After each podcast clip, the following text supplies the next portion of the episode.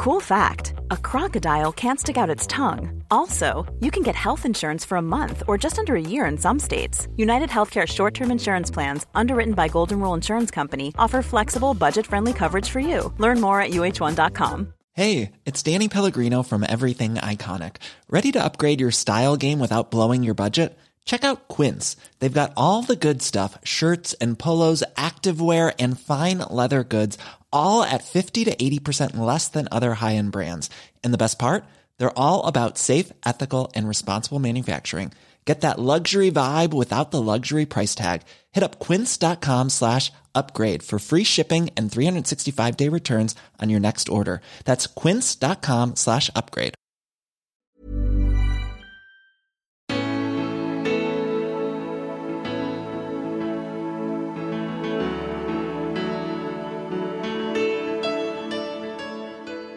Så att när jag föddes och skulle döpas så blev jag döpt i San Pellegrino mineralvatten. Samtidigt som efter de här 21 timmarna som vårt döda barn kom ut så föddes det en levande i rummet bredvid. Så jag hörde skriket liksom från den som levde och de som hade lyckats få ut ett levande barn. Att vi matas med de här bilderna av att allt är så himla bra. Vi är sponsrade av allt och alla. Vi går runt med... Vi dricker gratis sportdrycker och vi får gratis kläder och livet är skitkul hela tiden. Och jag tror att det är livsfarligt för att vi blir isolerade som människor när vi bara ser de här bilderna på sociala medier.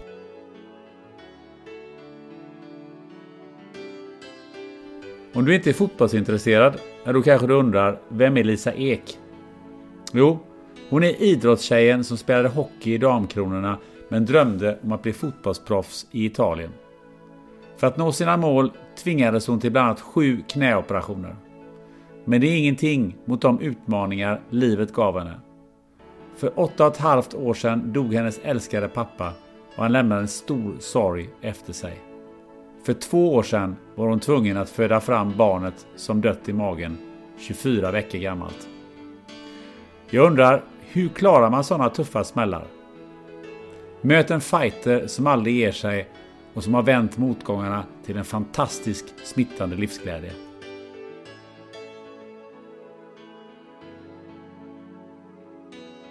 För detta fotbollsproffs som blivit expertkommentator, tränare för ett lag ensamkommande flyktingbarn, fotbollsagent och samhällsdebattör och som inom några dagar också ska bli mamma. Lisa Ek, hjärtligt välkommen till podden Spännande möten. Tack så jättemycket. Du till att börja med ett stort grattis på det som ska komma inom några dagar. Ja men tack. Eh, det har varit en lång resa men nu känns det riktigt kul. Ja, vad härligt. Och nära. Och när, när är nära då? Nära är om åtta dagar är det beräknat. Om åtta dagar. Sen finns det väl risk för att det drar över på tiden. Men... Ja, just det. Vi sitter ju här och spelar in den, den 11 juni. Så att det är då den 19 juni helt enkelt Yes. som det är planerat. Ja, vad härligt. Och tack för att du orkar vara med på en intervju så här nära inpå. Ja men det är inget problem alls. Fast du var lite nervös för att eh, det skulle komma ut tidigare. Ja men jag vill inte att eh, du skulle göra någon slags resa eller anstränga dig och så kan jag ändå inte vara med. Det hade varit Nej. trist. Vi chansade på det. Du, då är det lika bra att ställa standardfråga 1A inom sportjournalistiken. Hur känns det? Nej men det känns ju hur spännande som helst. Och det, det är svårt att förstå. Jag tror att alla som all, ha, har barn vet hur det känns. Men eftersom det här är vårt första och mitt första så har man ju ingen aning om vad som väntar. Och det, så nu känns det mest spännande och lite, ja, lite pirrigt liksom. Ja. Och så under tiden, eh, i väntetiden så har du eh, ganska skönt genom att du får, kan titta på VM-fotboll. Ja, men det är helt perfekt tajmat. Jag önskade att jag kunde säga att det var planerat så här, men vi, det, ble, det blev bra av sig självt helt enkelt. Så du ligger du på soffan och käkar praliner och kollar alla fotbollsmatcher? Ja, men med- lite så. Men sen är det ju Elitettan också som pågår. Och den kan man ju se live. Så att eh, jag försöker ändå att tar mig ut när det är elitmatcher och, och ser lite grann av det. Ja. Vilket lag är det du kollar på då? Äh, Då följer jag klienter som vi har. Så det är ju blandade lag. Nu senast såg jag eh, i torsdag så var det Hammarby-Umeå. Toppmötet. Men du är ju verkligen en, eh, en expert. För du var expertkommentator på EM i Holland Ja, det stämmer. 2017. Ehm, skulle du gärna vilja vara expertkommentator i, i år också? Eh, alltså jag tycker, jag tycker det är hur roligt som helst att vara expert. Men var det förra året som jag fick frågan om jag ville bli förmedlare eller agent då, som det kallas. Och i och med att man tar det steget och blir det så stryper man ju möjligheten att kommentera egentligen någonting. För att man kan alltid uppfattas som partisk och att man kommenterar sina egna spelare och sådär. Så att jag visste ju det att om jag hoppar på att bli förmedlare och jobba med vissa spelare så kommer jag inte kunna kommentera. Eh, så det var ett val som jag gjorde då och som jag är väldigt, väldigt nöjd med. För att så roligt. jag, jag älskar att kommentera fotboll och vara expert för jag tycker det är så roligt att grotta ner sig i, i det mesta och även saker som kanske inte är direkt kopplade till matchen utan små anekdoter och kuriosa runt omkring. Men, men eh, det som vägde över var framförallt att få ha en vardag som är där man har hela tiden kontakt med människor och där man jobbar med människor. Och expertkommentator kan man ju vara kanske, eller jag hade möjligheten att vara det varje gång det var mästerskap. Och då kan, kan det bli så att man inte jobbar någonting under två år. Eh, och sen så ska man, får man vara en del av ett gäng och en del av, en- av en grupp under mästerskapet. Men jag behöver mer vardaglig kontakt och känna att jag gör något varje dag. Och att jag nu kan kommunicera med klienter, kommunicera med, med kollegor och få vara en del av ett lag. Liksom. Och då i Holland så var ju din huvuduppgift att punktmarkera det svenska laget. Yes! Och eh, du sa också att eh, du skulle vara ärlig och brutalt ärlig. Hur, Ja. hur brutalt ärlig var du som expertkommentator? Jag tror ändå att jag var ganska ärlig, för det var några spelare som blev lite arga efteråt. Och det tyckte jag var ett bra tecken. Och jag, jag vill inte nämna någon namn, men... Eh, så jag tyckte ändå att jag... Jag tyckte ändå jag var ärlig, faktiskt. Men hur ärlig kan man vara mot sina lite kompisar? Jag tycker man kan vara jätteärlig, speciellt om det är kompisar. Och jag vet ju också att även om de blev förbannade och vi hade några samtal efter mästerskapet så är det människor som jag har kontakt med idag. Så att jag tycker det är ett tydligt bevis på att man, man kan vara ärlig och att man ska vara ärlig. Eh, och det uppskattar ju spelarna också och ens kompisar framförallt. För att det är ingen som vill känna att man spelar dåligt eller att man inte gör det man ska. Och så är det ingen som nämner det eller ingen som uttalar det. Det blir liksom... Det blir oseriöst. Så att jag, jag tror att de uppskattar att man är ärlig. Men de blev förbannade för att Ja, de... det, det var ju också lite... Alltså det kanske inte är så skitkul att komma hem efter ett mästerskap och när man är superbesviken. Och så slår man på TVn och så det första man hör är att man får massa skit för sättet man har spelat på eller hur man har... Ja, kanske ännu värre, inställningen man har visat. Så jag kan ju också förstå att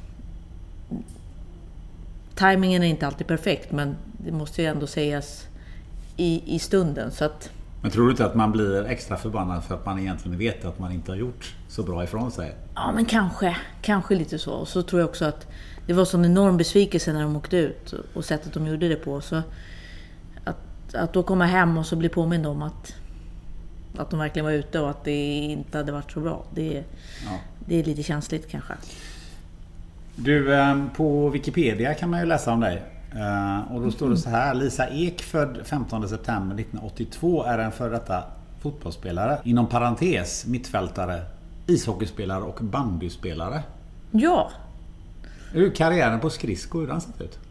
Den eh, var ju... men hyfsat lång ändå tycker jag. Eh, jag började spela ishockey när jag var 7-8 år gammal. Och spelade egentligen tills jag var 20. Jag eh, spelade i AIK, spelade i landslaget. Lyckades bli uttagen till bruttotruppen till OS. När var det nu då? I... Var det Salt Lake City? Och tre dagar efter att jag blev uttagen till den truppen och hade varit hos sjukgymnast och läkare hos SOK där så drog jag korsbandet. Så då, då blev det ingenting av det. Och där tappade jag väl lite grann sugen. Då var jag 18 och kände också att det började bli läge att välja. Eh, bandy spelade jag väl egentligen bara tills jag var 15-16. Det blev ju väldigt mycket att, att köra tre, tre idrotter. Men då spelade jag IK Göta i Stockholm.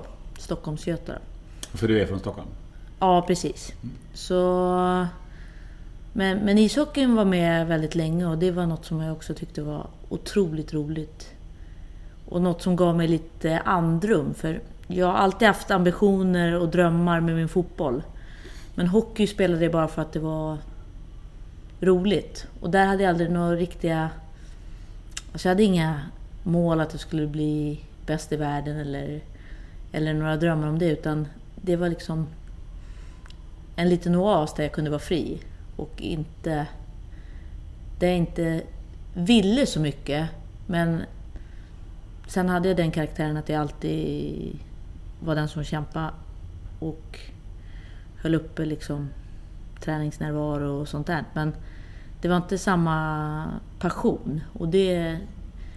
Det är ganska häftigt ändå att komma med i landslaget. Man är liksom bara sådär, glider in på en skridsko. Ja, men jag kanske hade nästan större talang inom ishockeyn. Och jag hade säkert möjlighet att få uppleva mer genom ishockeyn. Men, men fotbollen var liksom första kärleken och den stora kärleken. Så, och jag tror nu när jag tittar på det i efterhand så kan det också vara därför som det gick så bra i ishockeyn. För att ibland när man vill för mycket med någonting och man pushar sig och man får prestationsångest, då blir det inte riktigt bra. Och, och så var det ju under stora delar av min fotbollskarriär. I ishockeyn så hade jag aldrig de känslorna, utan jag kände mig fri liksom, och jag bara lirade på. Och då kan det bli ganska bra. Men ändå så valde du fotbollen trots det här med prestationsångest? Eller var det någonting så att om jag ska igenom den ångesten också? Eller vad, vad var det som triggade dig Alltså att jag- fortsätta ändå? Det som triggar mig mest tror jag nu i, med facit i hand. Alltså jag sa ju när jag var 6-7 år att jag skulle bli fotbollsproffs i Italien. Och att jag skulle komma med i damlandslaget. Och de grejerna var ju den yttre motivationen. Men framförallt så gick jag ju från att jag var 16 år egentligen till att jag var 25-26. Så gick jag runt med en känsla av att jag hade massa fotboll i mig. Men att jag inte fick ut det. Och den känslan tror jag alla idrottare, alla idrottare som har upplevt den känslan kan liksom inte ge upp Eh, den drömmen att få ut det man har i sig. Och det var ju ingen som trodde på mig. Och jag vet, när jag spelade i distriktslag och sånt där så kunde vi träffa ledare för de andra klubblagen när man var 17-18. Som kunde säga så här att ja, men dig trodde vi aldrig på, så att vi är inte förvånade att du inte blev någonting. Men din kompis där, hon var ju duktig. Så att, och jag gick hela tiden runt med en känsla av att fasen, jag kan ju spela fotboll. Det är bara det att jag inte får ut det. Så att det var nog egentligen... Alltså jag har alltid trott att det varit de här yttre drivkrafterna att komma med i landslaget och att bli fotbollsproffs. Men den innersta känslan är att få ut det som man vet att man har i sig. Gärna bevisa det då för de som säger att du inte får ut det. Ja, men framförallt för mig själv. Framförallt för mig själv för att det är otroligt otillfredsställande att gå runt med en känsla av att man kan fotboll men inte får ut det på något sätt. Liksom. Det är ju tre eh, tuffa lagsporter som du har valt och det är ju oftast tjejer har ju svårast att göra sig hörda om man kanske jämför med volleyboll och, och innebandy och basket och handboll och så vidare. Och särskilt inom, inom hockeyn. Alltså, vad var det som drog eh, till den här, vad ska man säga, kontaktsporter eller, eller den här lite tuffare? Eh, jag tror att det... Jag var ju väldigt kort och liten när jag var liten. Och jag tror att det gjorde att jag hela tiden blev bekräftad i att jag, trots att jag var så liten, så var jag bra på att kämpa. Och det fick jag höra hela tiden. Eh, och det blir ju en del av ens identitet då, och en del av ens personlighet. Och det blir, jag fick väldigt gott självförtroende i att jag var en kämpe. Så att jag tror att jag eh, omedvetet eller medvetet sökte mig till idrotter där jag visste att jag skulle få kämpa mycket. Eh, för det visste jag att jag kunde. Så det är nog... Sen är det säkert slumpen också, men, men jag tror att om man blir uppmuntrad i att man är bra på någonting så söker man sig gärna till de miljöerna där man får göra det. Och jag var bra på att kämpa så att det blev liksom mitt verktyg i allt och det som jag sökte mig till. Men det där med att kämpa, var det någonting du fick hemifrån eller vad kommer det sig? För det är någonting du hade i dig bara?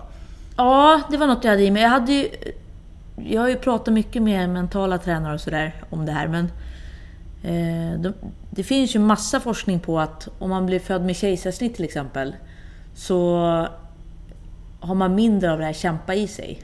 Men om man har en svår förlossning så har de sett då att man kämpar lite mer. Och jag hade ju en väldigt komplicerad förlossning och fastna och de visste inte om jag blev hjärnskadad eller om jag skulle överleva och sådär. Så kanske att det började redan där. Det kan man ju tro vad man vill om. Men... Och sen eftersom jag var så liten till växten så var jag ju tvungen att liksom stå upp och kämpa. Eh... Även med syskon? Ja, nu var jag ju äldst. Eh... Ja, det var ju fördel där då. Ja, det var lite fördel. Men... Eh... Så kanske att det kommer redan från, från födseln då. Men sen så tog ju fotbollskarriären fart då.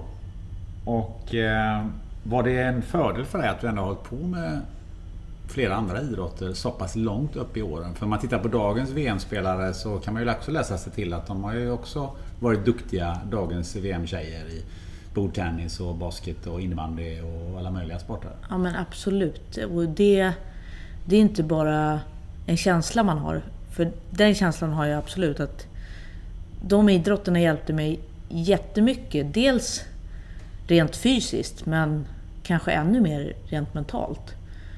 Och eh, jag tror aldrig att jag hade lyckats till slut då, även om det tog många år och jag var en late bloomer, få ut det som jag ändå hade i mig i fotbollen.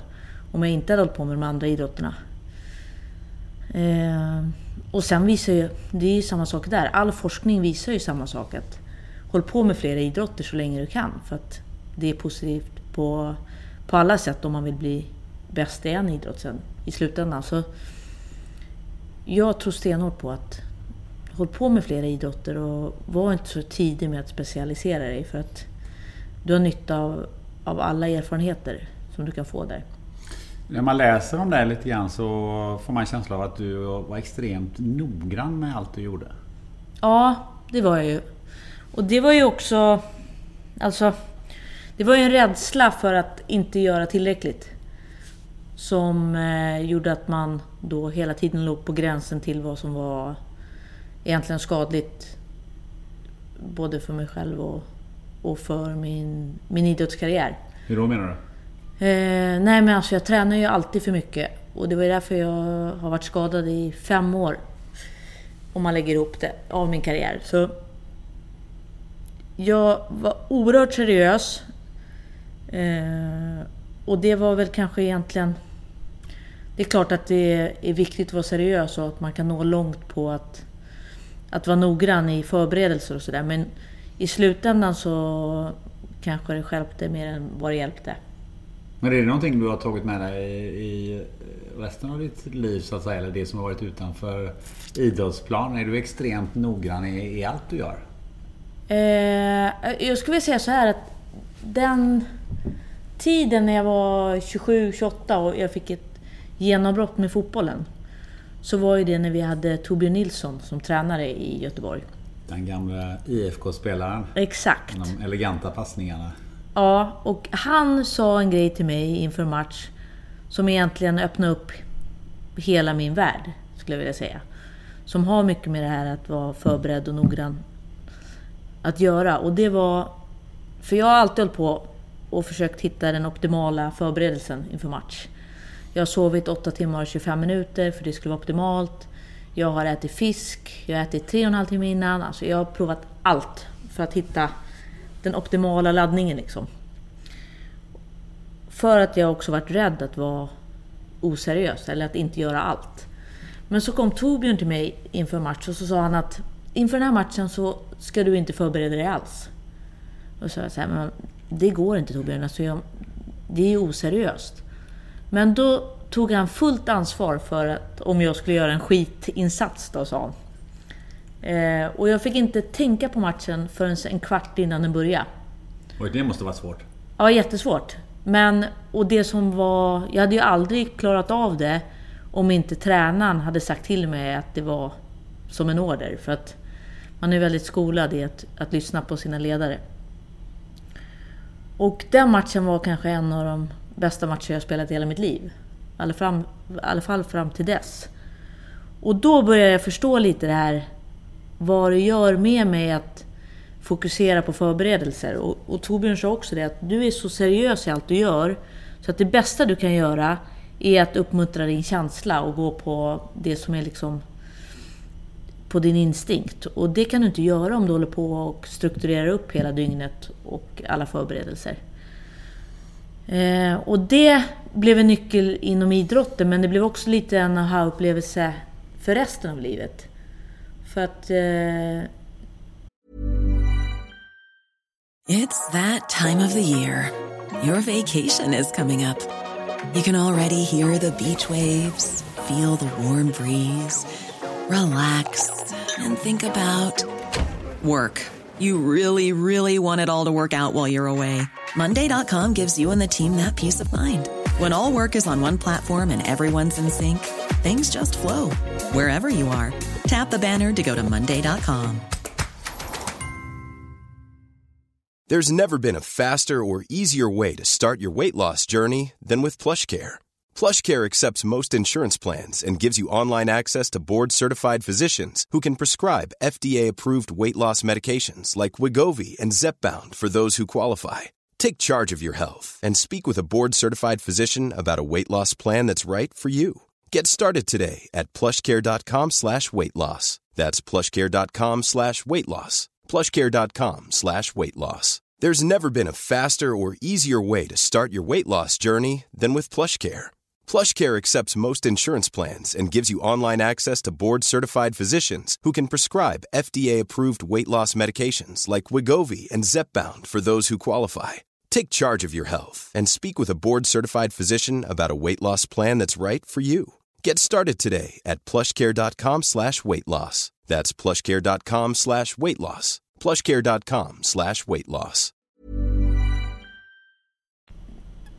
Och det är egentligen sedan den dagen så började jag träna på att istället för att hålla på att träna på att vara förberedd så började jag träna på att försöka gå på känsla.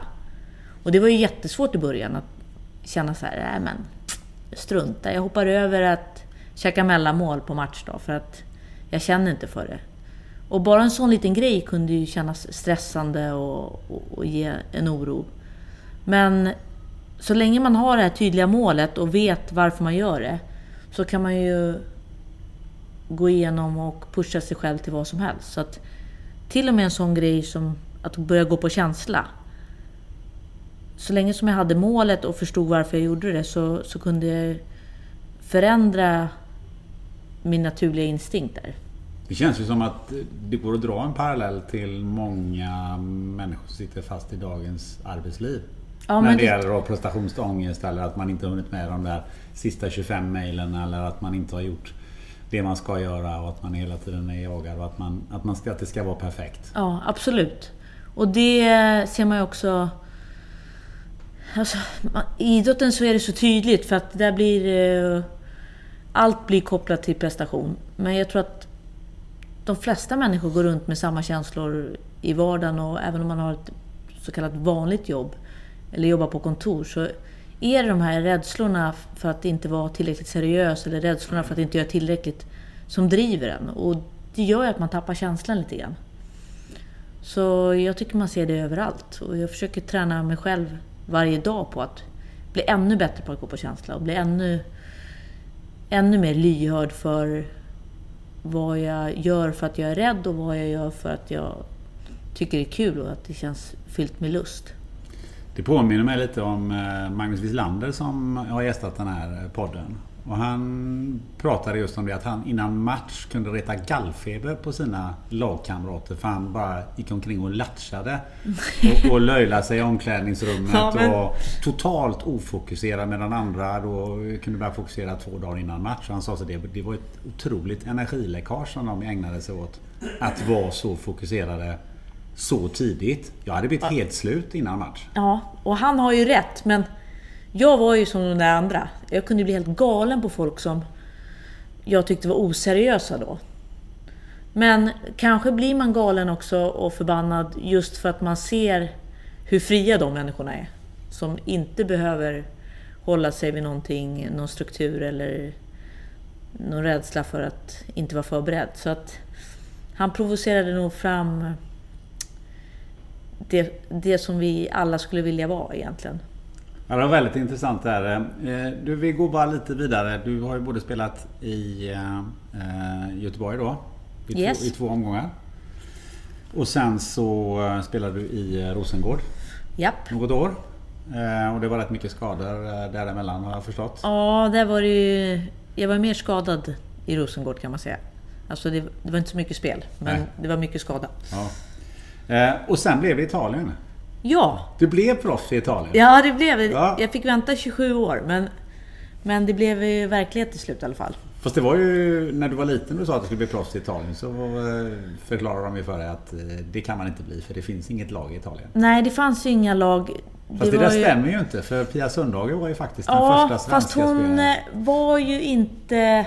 Hon var alltså, ju Lazio hon, fick, hon var i Lazio, hon fick lite läsk och hon fick en moppe. Och hon fick väl hon klarade sig, men det var ingen riktig det var inget lag som gick under herrlaget och att man var proffs på riktigt liksom. Nej, du fick mer än en mappe och läsk? Eh, ja, lite mer i alla fall. Lite mer i alla fall. Vad blev det då? Vilket lag blev det? Det blev Fiorentina. Ja. Och eh, jag hade ju enorm tur för att knäna hade krånglat under många år och jag hade väl gjort sju operationer i knäna. Och kände att varje sju gång... Operationer, ursäkta mig? Ja, precis. Du kan göra sju Finns det någonting kvar av dina knän? Nej, det var det jag började känna att nu börjar det... Varje gång jag går ut på fotbollsplan så är det som ett minfält liksom. eh, var det korsband och, och meniskar? Och, ja, eh, tre korsband och sen så ganska stora broskskador i ena knät då. Mm. Eh, och sen lite fin slip som de var tvungna att göra också. Några menisker också kanske?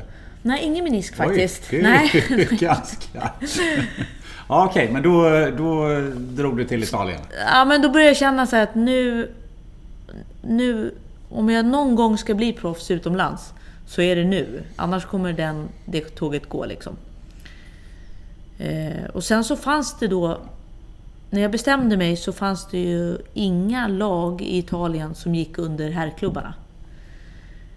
Eh, och då kände jag också så här, okej okay, det kanske inte behöver bli Italien för att jag kan flytta till Italien när jag slutat spela. Utan det viktigaste är att det är ett lag i en europeisk klubb som gärna tillhör en fotbollsstad. Där man redan har herrfotboll så att man kan få den här känslan av att man är en del av en, en fotbollsstad. Eh, och jag sa ju att jag kan vara öppen för, om det är ett ryskt lag så åker jag dit. Bara det är någonting där man får där det andas fotboll i staden. Liksom. Eh, och jag hörde ingenting, hörde ingenting och det kom inga erbjudanden. Och man blir lite... Hade du en agent då? Eller? Ja, då hade jag en agent och jag försökte liksom... Under en och en halv månad så var det ju helt tyst. Och jag var ju... Jag hade ju missat fem år totalt på grund av skador så att jag var ju långt ifrån toppform också. Eh, och sen så hörde någon, en annan agent av sig och sa att nu ska Fiorentina starta första damlaget som går under herrklubb i Italien. Och de behöver en innermittfältare.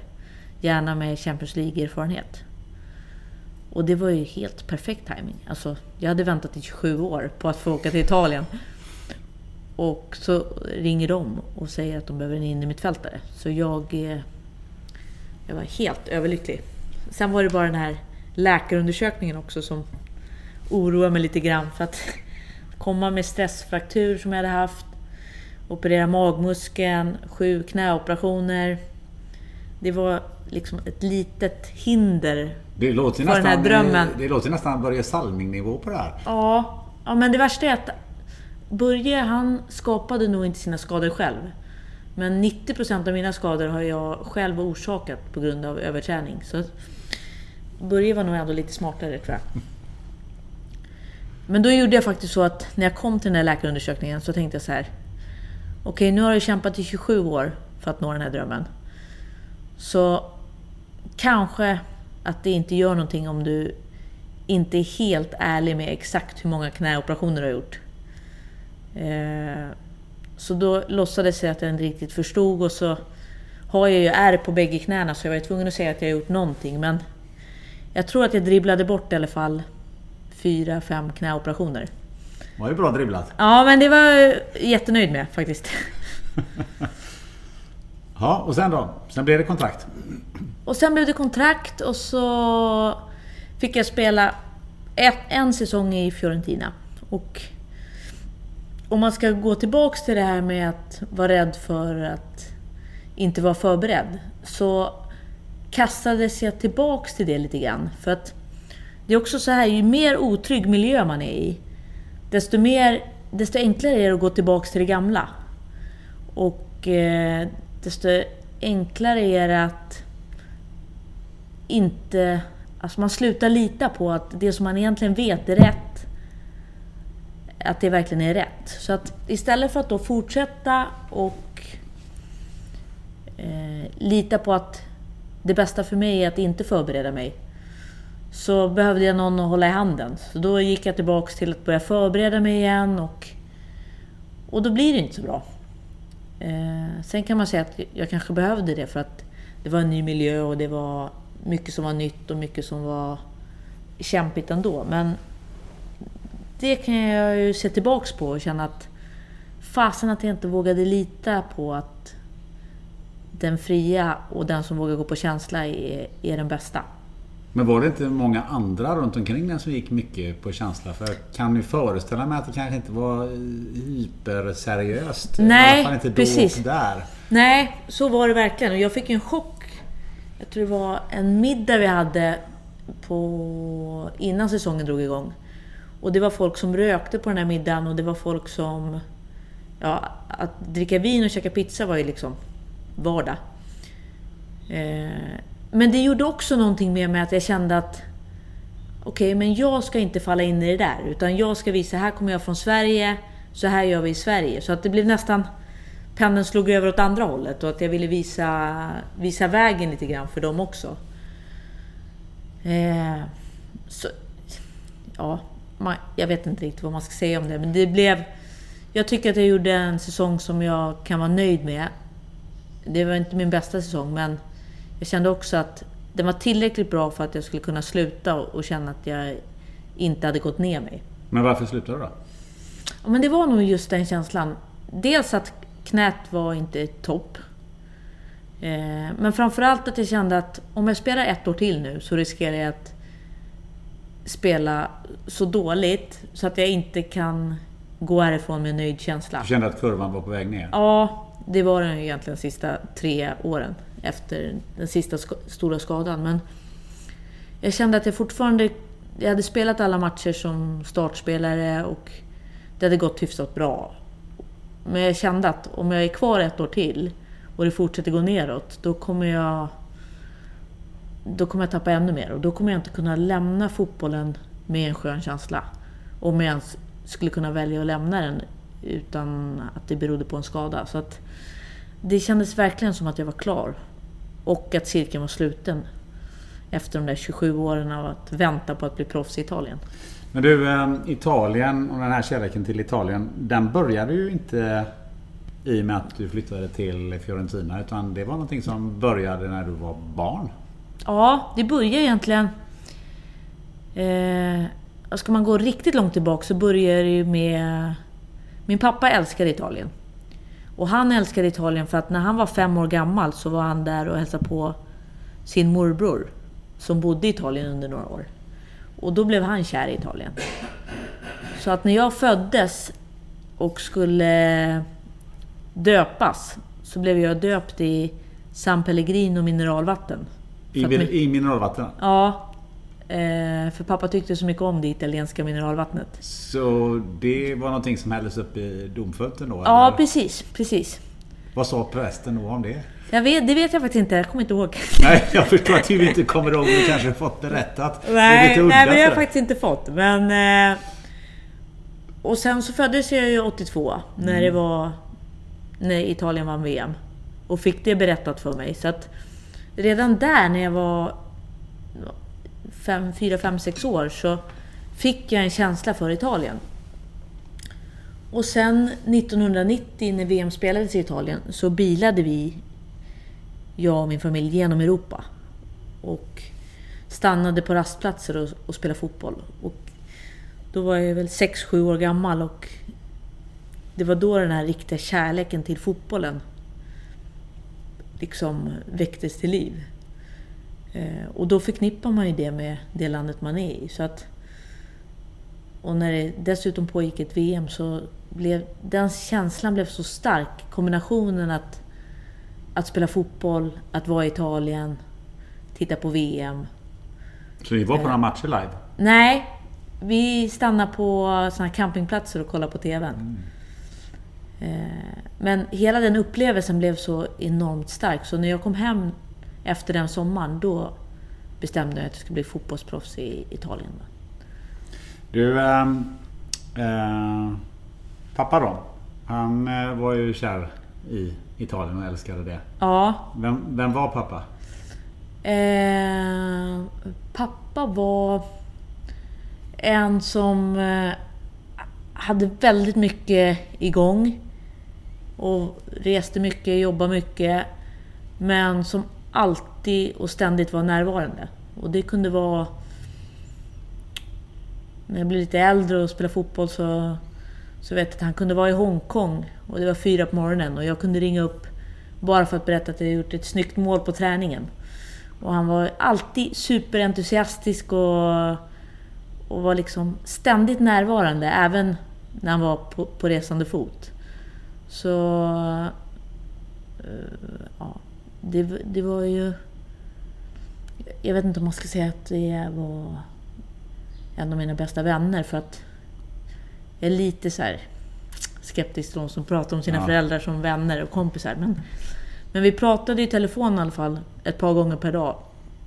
Oavsett var jag var i världen också och oavsett vad jag spelade. Och han var ju aldrig någon idrottare eller hade ingen bakgrund som idrottare utan han frågade alltid om jag hade haft roligt och när jag var liten om jag hade gjort mitt bästa. Liksom. Så... Eh, ja, men han var... Och sen så var han väldigt smart. Alltså han var väldigt klok.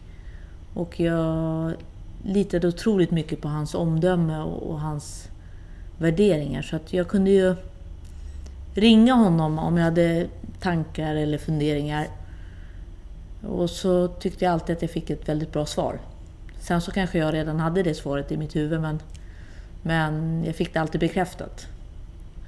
Och sen var han också en alltid optimist och hittade alltid lösningar på de jobbigaste och, och tyngsta grejerna. Så att det fanns alltid någonting positivt och någonting som var en möjlighet med, med allt som hände. Och det är väl det, när jag tänker på min pappa, som jag tänker mest på faktiskt. Och det är någonting du har fått med dig naturligtvis då? Ja, men det tycker jag. Jag var ändå... Jag var väl 28 när han gick bort. Mm. Eh, och då insåg jag också att han... De sista åren när jag ringde honom så sa ju han egentligen bara det som jag tänkte själv. Så att han hade redan gett mig allt det som, som jag behövde tillsammans med min mamma då, men hon är fortfarande vid liv. eh, så att eh, han eh, gav mig ett sätt att tänka som jag har otroligt stor nytta av, både i livet och men även i, inom idrotten. Men han var ju inte vem som helst heller ur ett eh, samhälls eller företagsperspektiv. Nej, han startade ju ett företag. Eh, och sen så... Det var lite ungefär likadant som min dröm med, med att bli proffs i Italien. Han jobbade väl 25 år innan det riktigt lyfte tror jag. Eh, och, Vilket företag var det? Eh, OBH Nordica. De blev det efter, jag vet inte om det var 20 år eller någonting. Men, en av Sveriges eh, mest välkända varumärken får man nog säga. Ja, men kanske så. Ja. I alla fall under en tid. Ja. Eh, så... Men han var alltid så att... Det här ska man bara göra om man tycker att det här är roligast i världen. Tycker man det är roligast i världen att spela fotboll, då är det det man ska göra. Så att... Vi var ju aldrig riktigt involverade i företaget på något sätt. Eller, och jag, jag ville ju alltid spela fotboll och min bror tyckte om att hålla på med musik. Och min lilla syster tycker om att sälja kläder. Så att vi blev aldrig riktigt involverade i det på något sätt. Men han tyckte ju att det var det roligaste som fanns. Eh, och jag tror det var därför det gick så bra också. För att han tyckte det var skitkul helt enkelt. Men han, när man startar eller har ett sånt här företag som är extremt expansivt under en, under en period. Eh, de som inte vet vad OBH Nordica är så är det ju eh, man ska säga, allt från brödrostar till mixers och Ja, lite eh, blandade grejer. Lite blandade grejer inom, inom det området. Men han måste ha jobbat otroligt mycket. Ja. Alltså, det tänker jag också, att han måste ha jobbat otroligt mycket. Men dels har vi ju mamma som har varit helt fantastisk och som liksom har kört oss till... Vi har tre barn som alla spelar fotboll. Två av oss spelar ishockey, jag spelar bandy också. Så hon har ju logistiskt sett varit överallt. Men sen eftersom han hade ett sätt att hela tiden vara närvarande så kändes... Jag uppfattade aldrig som att han jobbade så mycket. Eh, och han kunde ju åka direkt.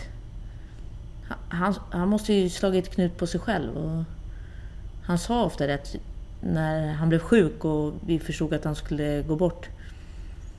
Att jag har levt 100 år på de här 59. Så att det är okej okay, liksom. För att han var verkligen överallt och hela tiden. Och ständigt, ständigt närvarande. Och man kunde ju ringa... Det spelar ingen roll om de hade styrelsemöte för att om vi ringde så då kom de alltid in till honom och, och gav telefonen. Och då spelar det ingen roll om det var Nej men jag tappade bort mitt kort. Måste spär, kan du spärra det? Eller om det var att jag gjorde ett jättesnyggt mål på träning. Utan han var alltid där och lyssnade. Och då var han bara med oss. Så att ja, det är klart han, jobb, han måste ha jobbat jättemycket. Men jag uppfattar det inte så faktiskt. Apropå Italien, jag måste faktiskt fråga dig. Var det han som kom på den här legendariska eh, reklamfilmen som han hade med Glenn Strömberg? Eh, det var nog min eh, farbror. Det var din farbror? Han var ju lite marknads... Han var ju marknadschef där. För det var ju Glenn Strömberg som, som kom med det här. Nu har OBH Nordica kommit på en riktigt, riktigt, riktigt bra grej. Det var någon ja. blandning mellan olja och vinäger som man kunde stoppa i samma flaska. Nej men det var nog min farbror och min gudfar, Thomas Ek. Okay. De drev ju företaget tillsammans. Just det. Så där tror jag det, det är Thomas som är skyldig. Okay. Um, ehm, det är ju nu snart uh, nio år sedan som han gick bort. Ja. Uh, hur mycket saknar du honom idag? Oj. Um, alltså jag skulle säga att jag tänker på honom varje dag. Det gör jag. Och sen... Eh, man saknar dem ju mest, det tror jag gäller för de flesta som har förlorat någon, när det händer roliga saker. Mm. Och när man har eh, saker som man vill dela liksom. Eh, så ja, jag skulle säga att saknaden är fortfarande enormt stor. Men man har lärt sig att leva med den på ett sätt. Och sen har jag också den här känslan av att han alltid är närvarande. Och jag tycker att jag känner att han är med ofta. Och det gör också att det blir... Alltså det är också en tröst. Och sen så kan ju folk säga vad de vill och att det fungerar inte så. Men att ha den tryggheten och den trösten med sig, det... Jag förstår inte varför man inte ska ha det om man har den känslan. Utan för mig hjälper det jättemycket att känna att han alltid är med. Och för han var ju med dig på plan också. Det var ju vid något tillfälle som du sa att ja, men det är nästan lite fusk. Ja, jag kände nog nästan så. Och det är också... Eh, mental träning kan jag tänka att om man tror att man ska... Att man inte kan misslyckas för att man har med sig någon. Då, då lyckas man ju. Jag kan ju rekommendera alla att eh, kolla in den här cupfinalen när ni vann med Göteborg. Ja, när det var du roligt. stänkte in den femte straffen. Ja. Och det är absolut den femte straffen som du skulle lägga för att du, skulle bli hjäl- du ville bli hjälte. Ja, men jag tänkte lite så här. För det första hade jag tränat på straffar i ett par månader innan. För jag visste att om det blir en cupfinal, om det skulle bli straffar, det är också lite det här med att vara förberedd. Då ska jag i alla fall kunna vara, avgöra för, för laget och veta att jag sätter den straffen. Så jag hade ju tränat straffar efter varje träning i, i två månaders tid innan den där cupfinalen. Sen så hade jag inte tänkt på att bollarna som vi spelade med var Svenska Fotbollsförbundet. Och de var lite lättare än de vi hade med Göteborg. Så att den tränade straffen var ju nere vid stolproten. Eh, och jag fick ju lite panik när jag såg att den drog upp mot nättaket nästan. Så det var inte, det var inte 100% förberett ändå för att bollen var lite lättare än vad jag hade räknat med. Men det är ju en av de snyggaste straffarna som har... Ja, men det blev- Stängt den rätt upp i krysset. Det blev väldigt bra, men hade den varit ännu lite lättare så hade den gått utanför. Du är tillbaka till Italien. Eh, inte nog med att du älskar Italien och varit proffs i Italien. Du har också en italiensk pojkvän som ju faktiskt sitter här i Ja. lägenheten här. Vi sitter ju i din, eller din mammas lägenhet i, i Stockholm. Ja, Berätta om honom. Han förstår inte svenska så mycket. nej Så han förstår kan, ingenting. Nej, så han kan säga, du kan säga vad, du- vad som helst. Ja, och det gör jag också, även till honom, när jag blir arg. Eh, Men då skäller du på italienska antar jag? Ja, fast när jag blir riktigt arg då blir det mest svenska, för att då... Då är det nog bäst att den inte förstår. Mm. Vem är han då? Han är eh, Gianluca. Han är ju totalt så långt ifrån mig man kan komma med, med det mesta. Om man ser till det yttre kan man säga. Han har ju aldrig tränat någonting i hela sitt liv. Eh, när jag träffade honom för tre och ett halvt år sedan så rökte han. Han tog bilen om man skulle gå till kaféet som var 50 meter från hemmet. Eh, jobbar som... Han utbildar frisörer och jobbar, har en akademi i Florens då. Han är en av världens bästa jag har läst mig till. Ja, men han är riktigt bra. Han är ju lika passionerad som, som jag är för fotboll liksom. Eh, och... Ja. Visste inte ens att tjejer spelade fotboll på stor plan när jag träffade honom första gången. Och jag tänkte bara vilken jävla idiot, vad är det här för någon italiensk... Frågade om vi spelade femmannafotboll. Okej. Ja, Då sa han nej, eh, jag spelar på storplan. Jaha, jag visste inte att tjejer fick göra det. Och då tänkte jag så här, och det här, vad är det här för idiot? Men eh, otroligt eh, öppen. Eh, har lärt sig väldigt mycket nu. Så att när han har varit i Italien och varit i Sverige så har han ringt och varit helt upprörd för att det har inte stått tillräckligt mycket om damfotbollen i tidningen. Och jag kan inte förstå hur de kan skriva sju sidor om herrfotbollen och sen så... På sida åtta kommer en liten notis om damfotbollen fast vi går in i VM nu och... Så han är väldigt... Eh, lättlärd kan man säga. Och sen har han eh, är naturligtvis lite, lite konstnär. Han kan reta sig på färgen på tandkrämen. Och Ja, han är, han är ju... Jag är väldigt okänslig för såna här saker. Jag... Eh, det är samma sak med mat. För mig har det alltid varit protein, kolhydrater och fett som jag behövt få i mig. Så att jag kan ju äta direkt ur förpackningar. Jag kan liksom... Jag är inte så känslig för det estetiska, men han är ju... När jag började dra med honom till gymmet så kunde vi vara tvungna att gå tillbaks in i huset för att han skulle byta färg på strumporna. För att de var mörkblå och shortsen var svarta. Så att han ser allt som jag inte ser överhuvudtaget. Eh, och det är också något nytt. Ni kompletterar varandra kan man säga. Ja men det gör vi och vi, i, slu, i slutändan så är vi ju otroligt lika när det gäller värderingar, när det gäller att ha en passion. Eh, att ge allt i det man gör. Och att... Eh, ja, med ambitioner också. Och att ta, försöka ta ansvar. För sig själv men även för andra. Så att vi har säkert mycket mer likheter än olikheter men, men det är klart att de här ytliga grejerna är vi ju som natt och dag. Och det är de som blir komiska i vardagen. Men han kanske lockar fram det där som eh, du behövde som också Torbjörn Nilsson eh, lockade fram vid något tillfälle. Att inte alltid eh, vara så strikt och Absolut. kunna ta bilen 50 meter. Och... Absolut, och det är det han gör. Och därför blir det ju en väldigt bra balans. För att Samtidigt så balanserar jag upp honom och vi försöker göra lite rörelse tre gånger i veckan. Och det tror jag alla mår bra av. Eh, men det är klart att det, det, är skönt att leva med någon som, är, som tycker att det är jättebra om man gör en halvtimmes träning tre gånger i veckan. När man själv tycker att två timmar om dagen är väl lite lite.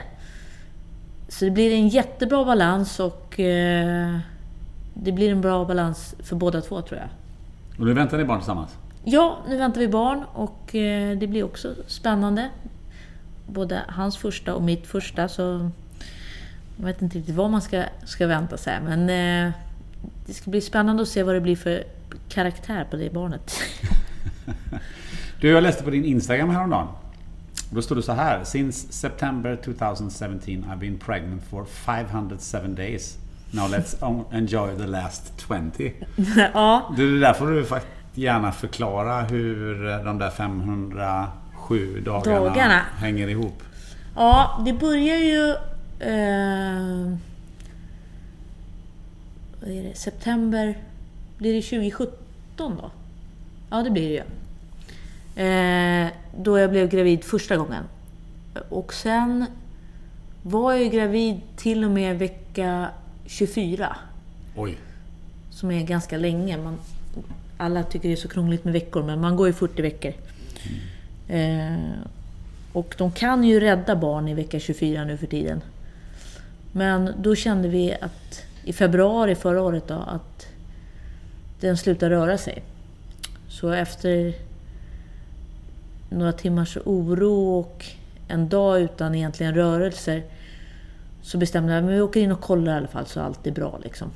Och då så såg jag direkt på ultraljudet att det var ju liksom inget hjärtljud och det var ju ingen rörelse alls.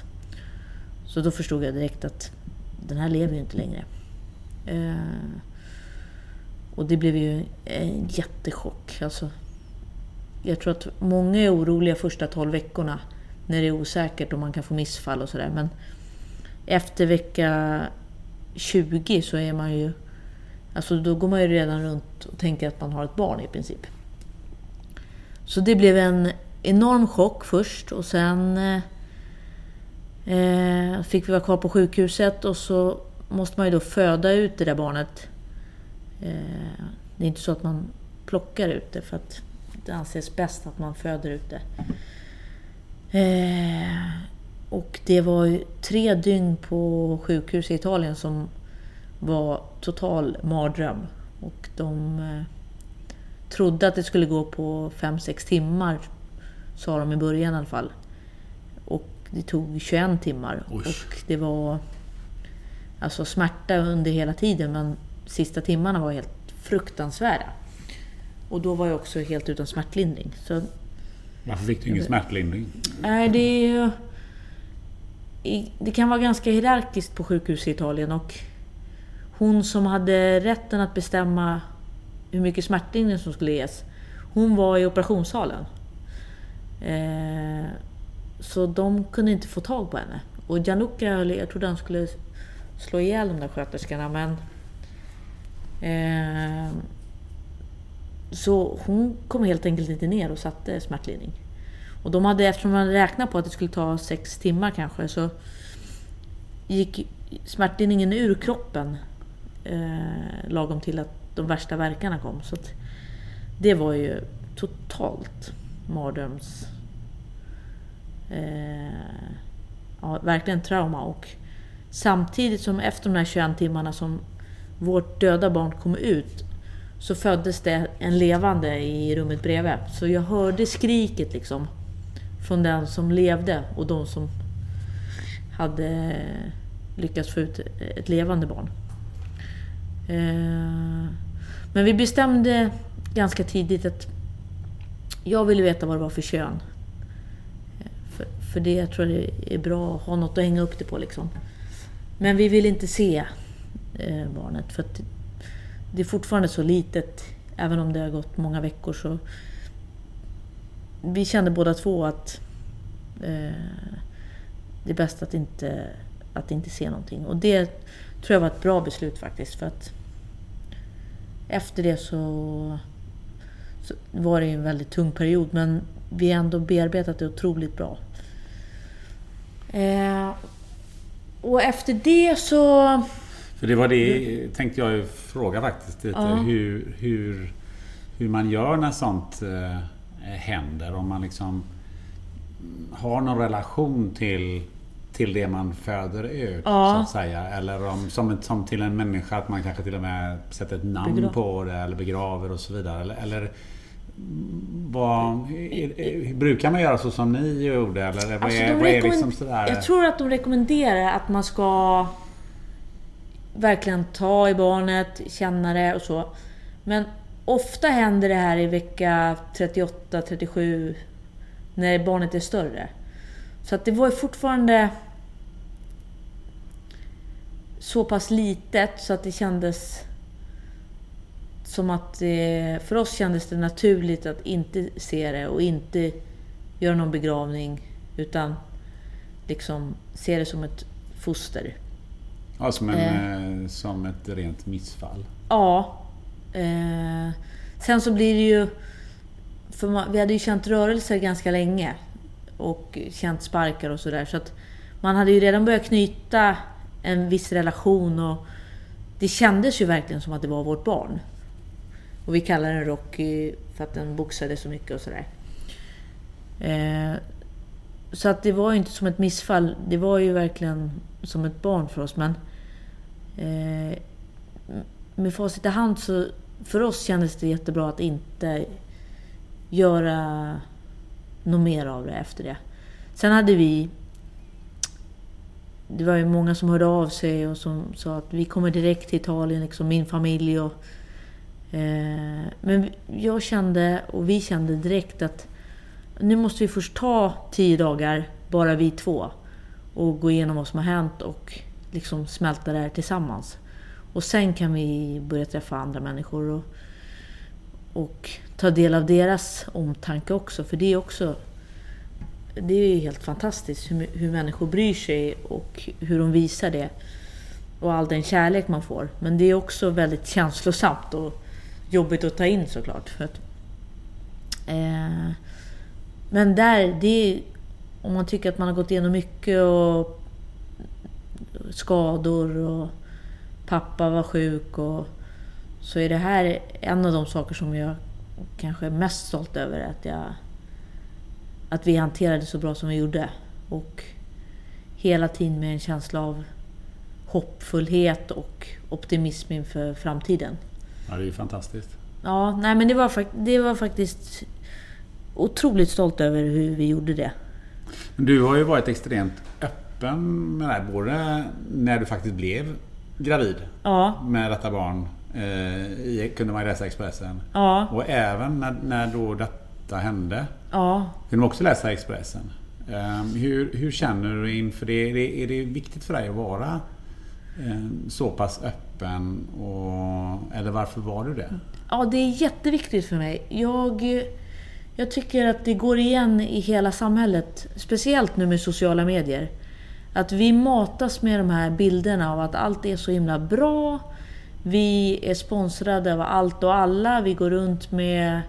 Vi dricker gratis sportdrycker och vi får gratis kläder och livet är skitkul hela tiden. Och jag tror att det är livsfarligt för att vi blir isolerade som människor när vi bara ser de här bilderna på sociala medier. Eh, och har ganska lite kontakt, mänsklig kontakt. Eh, och då blir det också så... Om någon är med om något jobbigt eller så vill man inte dela det för att det spräcker liksom hela den här fina bilden. Och, och då blir vi ännu mer isolerade. Så att jag tror att det är jätteviktigt att man i alla fall försöker förmedla en, en full bild av sig själv. Eh, för att vi... För att skapa ännu mer öppenhet och, och prata ännu mer om saker som är jobbiga. För att det, ingen mår ju bra av att se att alla mår bra.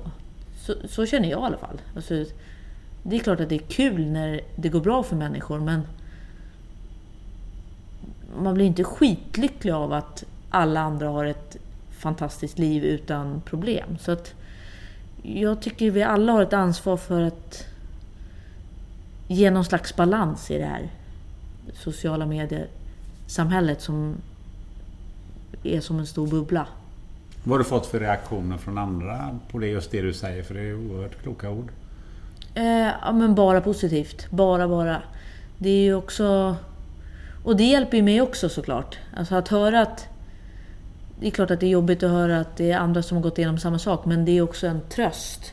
Och ger ju en hoppfullhet. För att det är massor av människor som har hört av sig. Dels som har råkat ut för samma grej efteråt. Eh, men också människor som hade råkat ut för det som vi råkade ut för innan. Och som eh, hade gått vidare och, och kunde ge sina tips och råd för hur man ska hantera det. Så att det finns ju ingen... Ingen förlorar ju på att vara öppen. Utan tvärtom, vi, vi kommer närmare varandra och vi får en helt annan förståelse också för allas olika små kamper. För alla håller ju på att kämpa med något. Och jag tror också att människan blir snällare om man... Ju mer förståelse man har för andras kamper, desto snällare blir man ju. Så jag tycker bara, bara det är positivt. För du har ju skrivit rätt mycket om det här på din blogg också. Ja, Och sen så har du ju, om vi så att säga tar oss därifrån till där vi är idag. ja, Så har du också skrivit en hel del om det. ja, Bland annat så, så har du skrivit att, att du är som en elitidrottare även när det gäller att föda barn. ja. Du har en lång lista på grejer som du har gjort. Kan du ta några av de där grejerna? ja för att bli gravid och sådär. Nej, alltså det var ju... Det vet jag inte om det var för att du är gravid eller när du väl blev gravid. Men du drack ju inte vatten från kranen och... Du, eh, Nej. det var någon chokladbit som du spottade ut för det råkade vara likör i den och... och Ja, precis. det låter Nej, men- lite som det där eh, samma som när du hade den där eh, förberedelserna med 8,25 timmar och fisk. Ja, och det är ju lite det. Och sen... Och där gäller det också att hitta en balans. Men jag tror att det som jag kunde känna när vi förlorade första barnet var... För då är det ju alltid... Det finns ju alltid människor... Om man ska försöka hitta något negativt med att vara öppen så är det att människor tycker också att de har rätt att kommentera då. Hon har ju pratat om det här så då kan vi kommentera. Så det var ju människor i Italien som sa till mig att ja, men det var för att det var på gymmet som det hände. Eller det var för att eh, an- du, du stressade för mycket. Eller du gjorde för mycket av det. Eh, så det är ju baksidan av att man öppnar upp sig. Att folk tycker att de har rätt att kommentera. Eh, och därför tyckte jag det var så viktigt att folk har också en sned bild av att ja, men hon är för detta elitidrottare så att hon tror att hon måste träna på. Men det är inte det det handlar om. Det handlar om att man vill ge de bästa förutsättningarna. Och det, det som jag kände när vi förlorade det barnet var att jag i alla fall gjort allt för att det skulle gå bra. Sen gick det inte bra. Något hände på vägen. De säger att det är på samma sätt som att man kan få hjärtstopp när man är utanför magen. Eh, och det drabbas... Det är tre av tusen som drabbas ungefär. Eh, men känslan av att man har gjort allt för att det ska bli så bra som det kan bli. Den var ju viktig för mig när jag var idrottare, men den tror jag kanske är minst lika viktig när man, när man försöker skapa ett nytt liv. För att jag, tack vare det så, även om jag började fundera såklart, som jag tror att alla gör, om man hade gjort något fel eller var det på grund av det eller... Så visste jag ändå inom mig att jag hade gjort allt jag kunde. Och den känslan, man kan säga att man ska gå på känsla att man inte ska vara förberedd, men man vill också känna att man har gjort allt man kan. Så att det gäller att hitta balansen lite grann där. Men för mig var det viktigt att, att få folk att förstå att jag hade gjort allt jag kunde. Och det... Jag skulle aldrig... Om jag har ett mål så riktas allt mot det målet. Men i eh, sista dagarna har det gått loss. Så vi, vi har ju käkat en bulle här innan. Ja, ja men nu, nu känner jag så här. Nu är det så nära så att nu, kan det, nu känns det så lugnt att det ska gå bra den här gången. Ja, men en bulle kan knappast störa. Utan Nej, kanske, till, kanske och med, till och med är bra. Ja, till och med är bra ja. Du, eh, om vi går från det här med barn till, till alltså egna barn till, till kanske andras barn. Och jag vet att din, din pappa hade ju någon sorts fadderverksamhet i, i Manila eh, på Filippinerna. Har jag läst mig till. Och du är ju också engagerad i barn från andra länder. Ja. Eh, och det här engagemanget, det sociala engagemanget, är det någonting som du har också fått med dig från, från pappa? Ja, men det tror jag. Alltså, vi åkte med honom till eh, Filippinerna och Manila varje år egentligen från att vi var... Ja, jag var väl 10-11 år.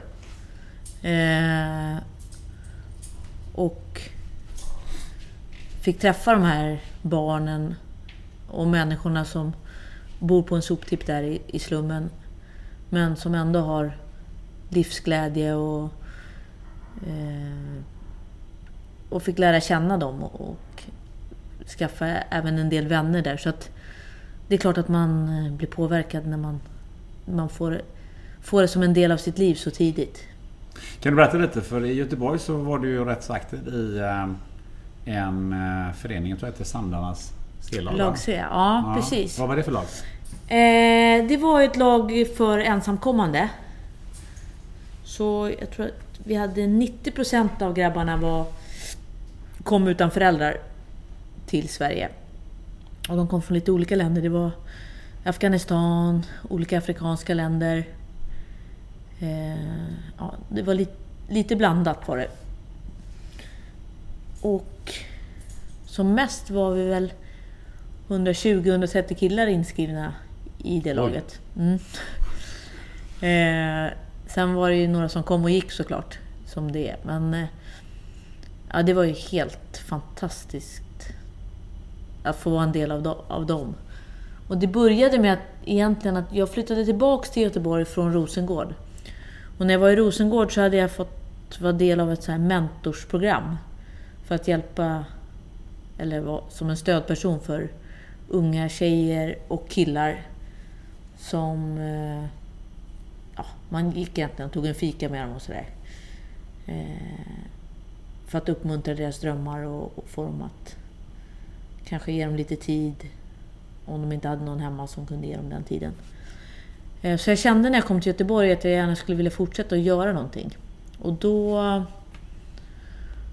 så pratade jag med Torbjörn Nilsson, Eh, min före detta tränare då, som sa att ja men vad fasen, jag har pratat med en tjej som heter Matilda som har det här laget för ensamkommande.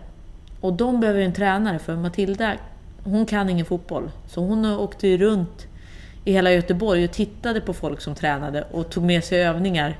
Ritade ner dem som hon förstod dem, från att bara titta. Eh, men de behöver ju en tränare, sa han. Och jag inte tid. Torbjörn hade inte tid för att han hade ju tusen andra grejer. Eh, så då ringde jag upp Matilda och så träffades vi och sen... Och så klickade vi direkt. Och jag kände bara att det här är ju... Det här kommer bli helt fantastiskt. Så då blev jag deras tränare. Hur var det? Hur gör man sig förstådd? Eh, de kan ju inte, nästan inte prata med varandra. Och Nej. Hur, hur blir liksom fotbollen någon sorts gemensam plattform? Eller hur, hur organiserar man övningar med så himla många grabbar? Ja, det, är ju, det var ju lite knepigt. Det som jag hade tur var ju att Matilda hade redan satt grunderna och strukturen och organisationen. Vilket innebär att killarna hade redan respekt för ledaren. Eh, och det fanns ju vissa som kom från kulturer där män inte får hälsa på kvinnor. Så att det var ju en stor del i det att hon redan hade sagt de reglerna och att de stod och lyssnade och sprang höger när jag skrek höger. Eh, sen är det ju... Jag kan inte tänka mig något jobb som är mer utvecklande för mig, alltså om man ska tänka egoistiskt, som ledare. För att att försöka förklara för folk som inte pratar svenska så bra och från olika nationer så att ibland fanns det ingen som kunde översätta för någon. Eh, och nå fram då till, med fotbollsövningar som de kanske all, aldrig har gjort en övning i hela sitt liv utan de har bara spelat två mål för att det, för att det är kul. Eh, och i det också styra upp och nå de som faktiskt är längre fram i sin fotboll och som har eh, kommit mycket längre än, än några av dem som precis har börjat spela fotboll. Det var ju liksom alla nivåer. Vi hade ju killar som var superduktiga och som kunde spela i vilket elitlag som helst egentligen i sin ålder. Eh, så det var en jätteutmaning men otroligt roligt och otroligt eh, givande. Men du har gjort något liknande i Italien också? Ja, nu är jag ju tränare för ett herrlag i Italien. Mm. det, är lite, det är lite annorlunda för att dels eftersom det är ett herrlag så att killarna är mellan 17 och 40. 45 eh, är det någon, någon, som är till och med. Och där har de gjort så att halva laget är italienare och halva laget är afrikanska killar. Mm. Eh, och jättebra projekt jättegivande på många sätt och bara i år hade vi sju killar som eh, fick jobb. Mycket tack vare att de hade liksom kommit in i passa tider och nu är italienarna ju ganska dåliga på att passa tider så att det är mer dem man får skälla på än de afrikanska killarna. Men eh, de har fått kontakter och hittat strukturer tack vare fotbollen. Eh, sen är de väldigt duktiga, duktiga fotbollsspelare också. Så att det är jätteroligt faktiskt. Men kan du se någon skillnad i eh, hur det är att, att uh, jobba med flyktingar i Sverige och ja, i Italien? Det är en jätteskillnad. I, I Italien så får de ju i princip ingen organisation och struktur alls. Man skickar inte tillbaks någon men man tar inte hand om någon heller. Så där upplever jag det som att eh, integrationen går mycket trögare för att det finns inget intresse av att integrera. För man skäller ju alltid på att vi är så väldigt dåliga i Sverige ja, att integrera. Ja, och vi är ju dåliga för att vi lägger resurserna fel och vi använder inte den kunskapen som finns hos de som jobbar varje dag med de som kommer till oss. Utan vi har systemfel på många ställen som är helt ofattbara när man får inblick i det. Eh, Italien har de ju andra problem. Där har de systemfel men de har ju också det att de är helt beroende av eh, individuella initiativ i princip. Och sådana här projekt som, som jag är en del av. Eh, så att det är väldigt olika och inget av systemen är väl klockrent, skulle jag säga. Så det är inte mycket värre i Italien, det är bara annorlunda? Eh, det beror på vad man menar med värre också. Det är ingen som skickas tillbaks. Samtidigt så... Nu är jag i en värld där vi träffar killarna varje vecka. De, vi fixar jobb åt dem och hjälper dem att verkligen komma in i samhället. Några har fått börja plugga italienska tack vare sina arbetsgivare. Så att de killarna som jag träffar nu och som kommer till oss, vi får ju några, några nya varje säsong. De är också i ett, i ett bättre system än de flesta andra i Italien. Eh, tack vare att eh, klubben som jag jobbar för, eller som jag är i, har strukturerat upp det så. Så att jag ser ju inte hela bilden heller i Italien. Nej, det är klart. Eh, men det är intressant att, att höra lite hur eh, olika resonemang går och varför saker och ting är som de är. Eh, och, och, att man kanske inte har inblick i varken i den... När man sitter utanför och har inblick i det svenska systemet eller tvärtom. Nej, och det måste ju vara otroligt frustrerande för de som har inblick varje dag. Nu har jag ganska bra inblick i det svenska systemet genom de som är där i vardagen. Eh, och det är ena delen, alltså den frustrationen att se att det finns resurser och att de inte läggs på rätt ställen. Det måste ju vara helt fruktansvärt att se. Men sen tycker jag att vi generellt glömmer bort vad som är det viktiga egentligen. Och oavsett om man är i Italien eller i Sverige. Att oavsett vilka politiska beslut som fattas eller hur man fördelar pengarna. Så det här mötet med individer som vi upplever varje dag, var och en av oss. Att ta ansvar för att vara sitt bästa i det.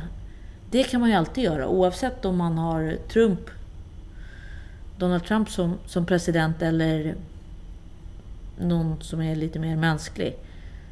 Så har man alltid ett ansvar som individ att vara sitt bästa i det mötet och vara välkomnande tycker jag. Så att jag tror att... Jag förstår absolut frustrationen och jag kan ju själv bli svinförbannad när jag börjar tänka på att resurser fördelas fel.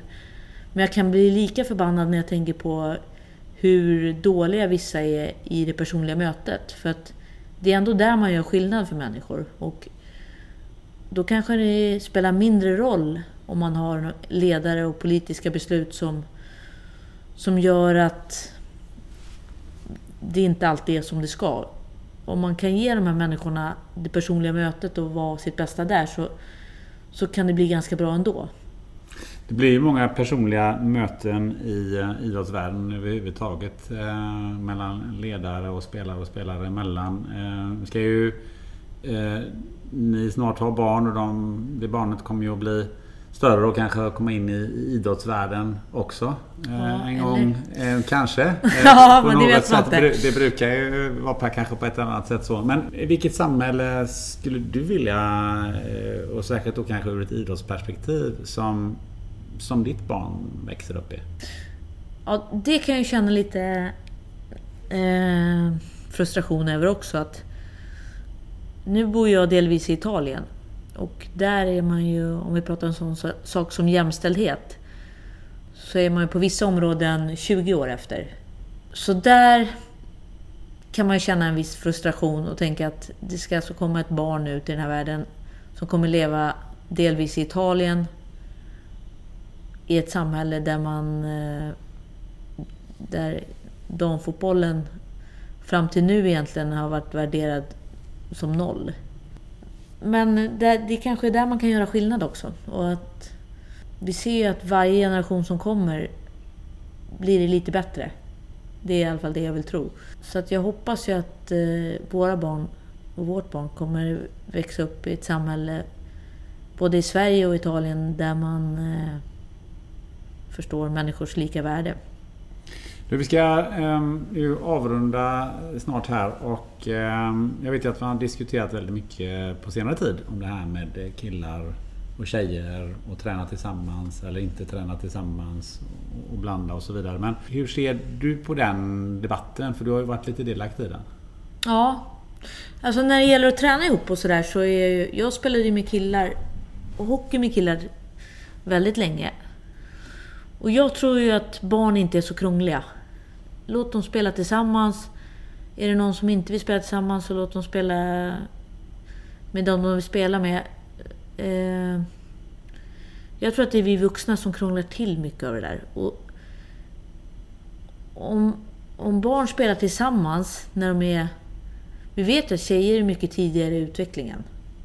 Motoriskt och fysiskt. Och, så att, att ha barn som spelar tillsammans ser jag bara egentligen fördelar med. I alla fall när de är små.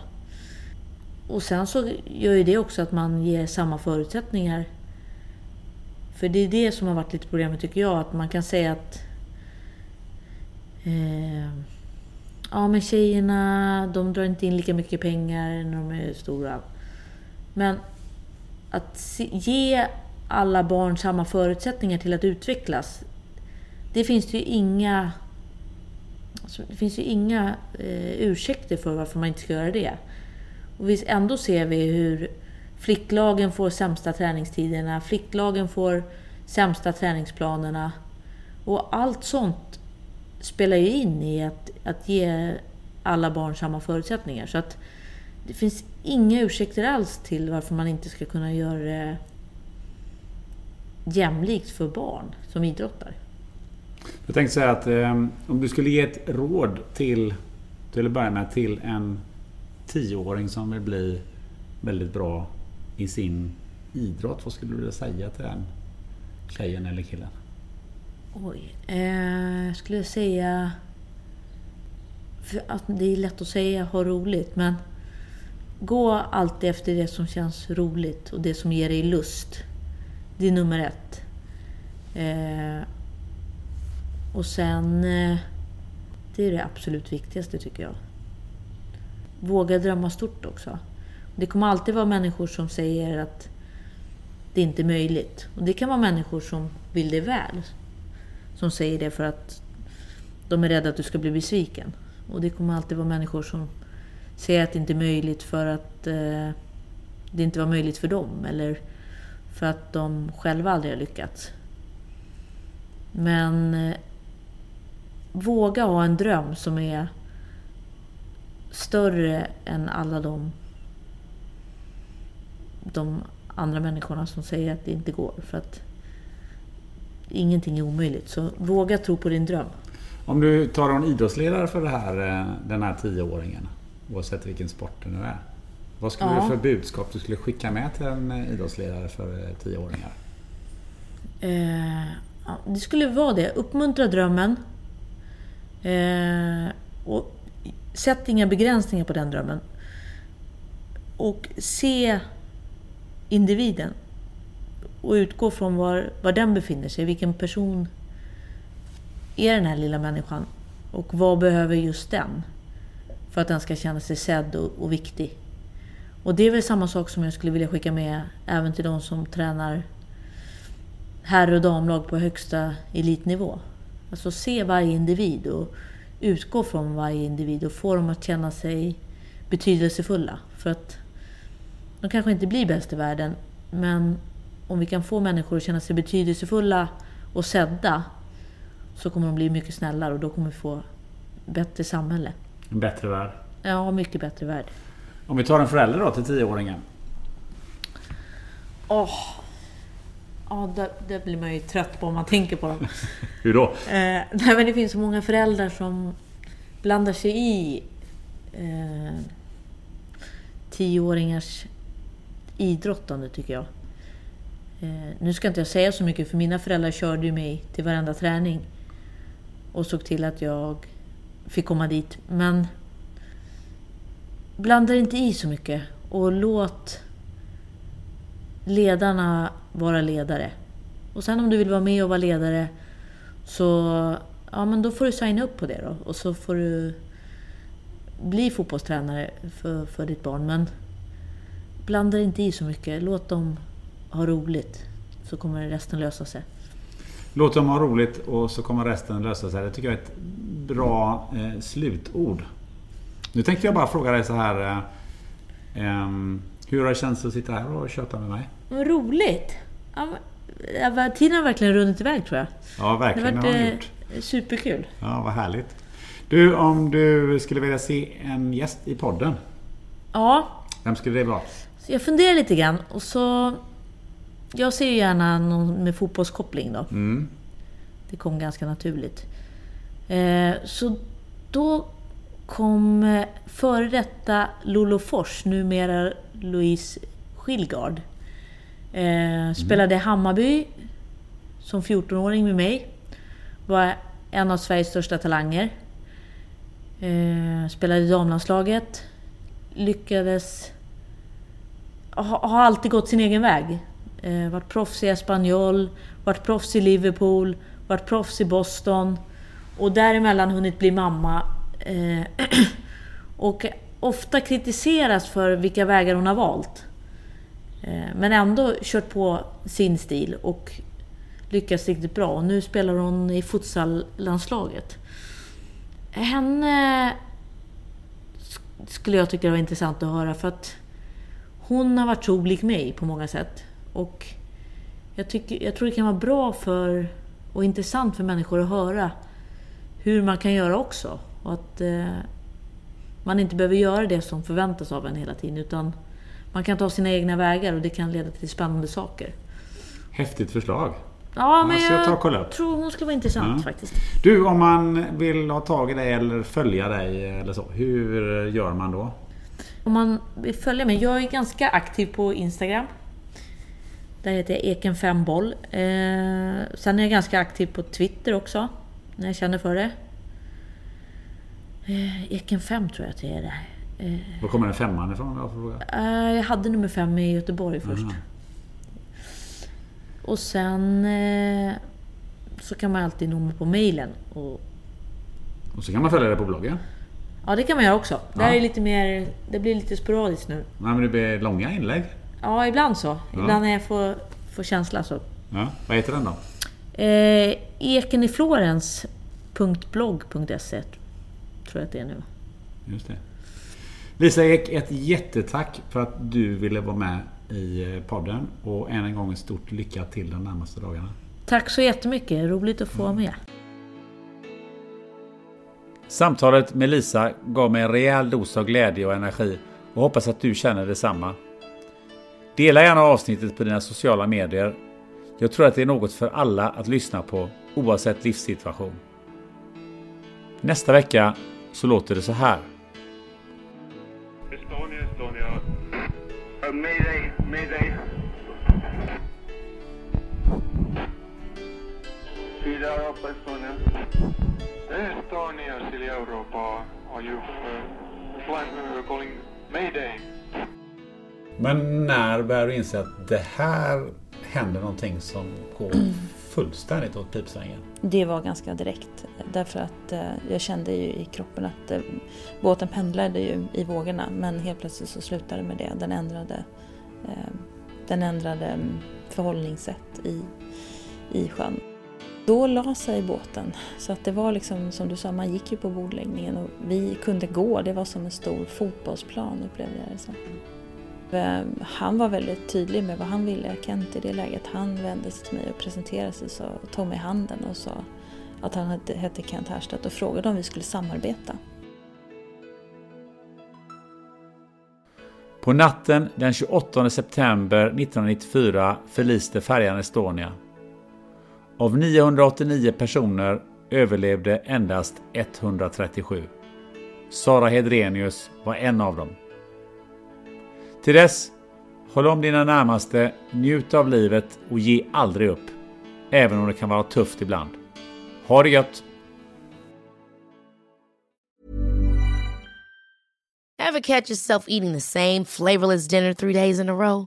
Dreaming of something better? Well, hello fresh is your guilt-free dream come true, baby. It's me, Gigi Palmer. Let's wake up those taste buds with hot, juicy pecan-crusted chicken or garlic butter shrimp scampi. Mm. Hello Fresh. Stop dreaming of all the delicious possibilities and dig in at HelloFresh.com. Let's get this dinner party started. Hi, I'm Daniel, founder of Pretty Litter. Cats and cat owners deserve better than any old fashioned litter. That's why I teamed up with scientists and veterinarians to create Pretty Litter. Its innovative crystal formula has superior odor control and weighs up to 80% less than clay litter. Pretty Litter even monitors health by changing colors to help detect early signs of potential illness. It's the world's smartest kitty litter. Go to prettylitter.com and use code ACAST for 20% off your first order and a free cat toy. Terms and conditions apply. See site for details.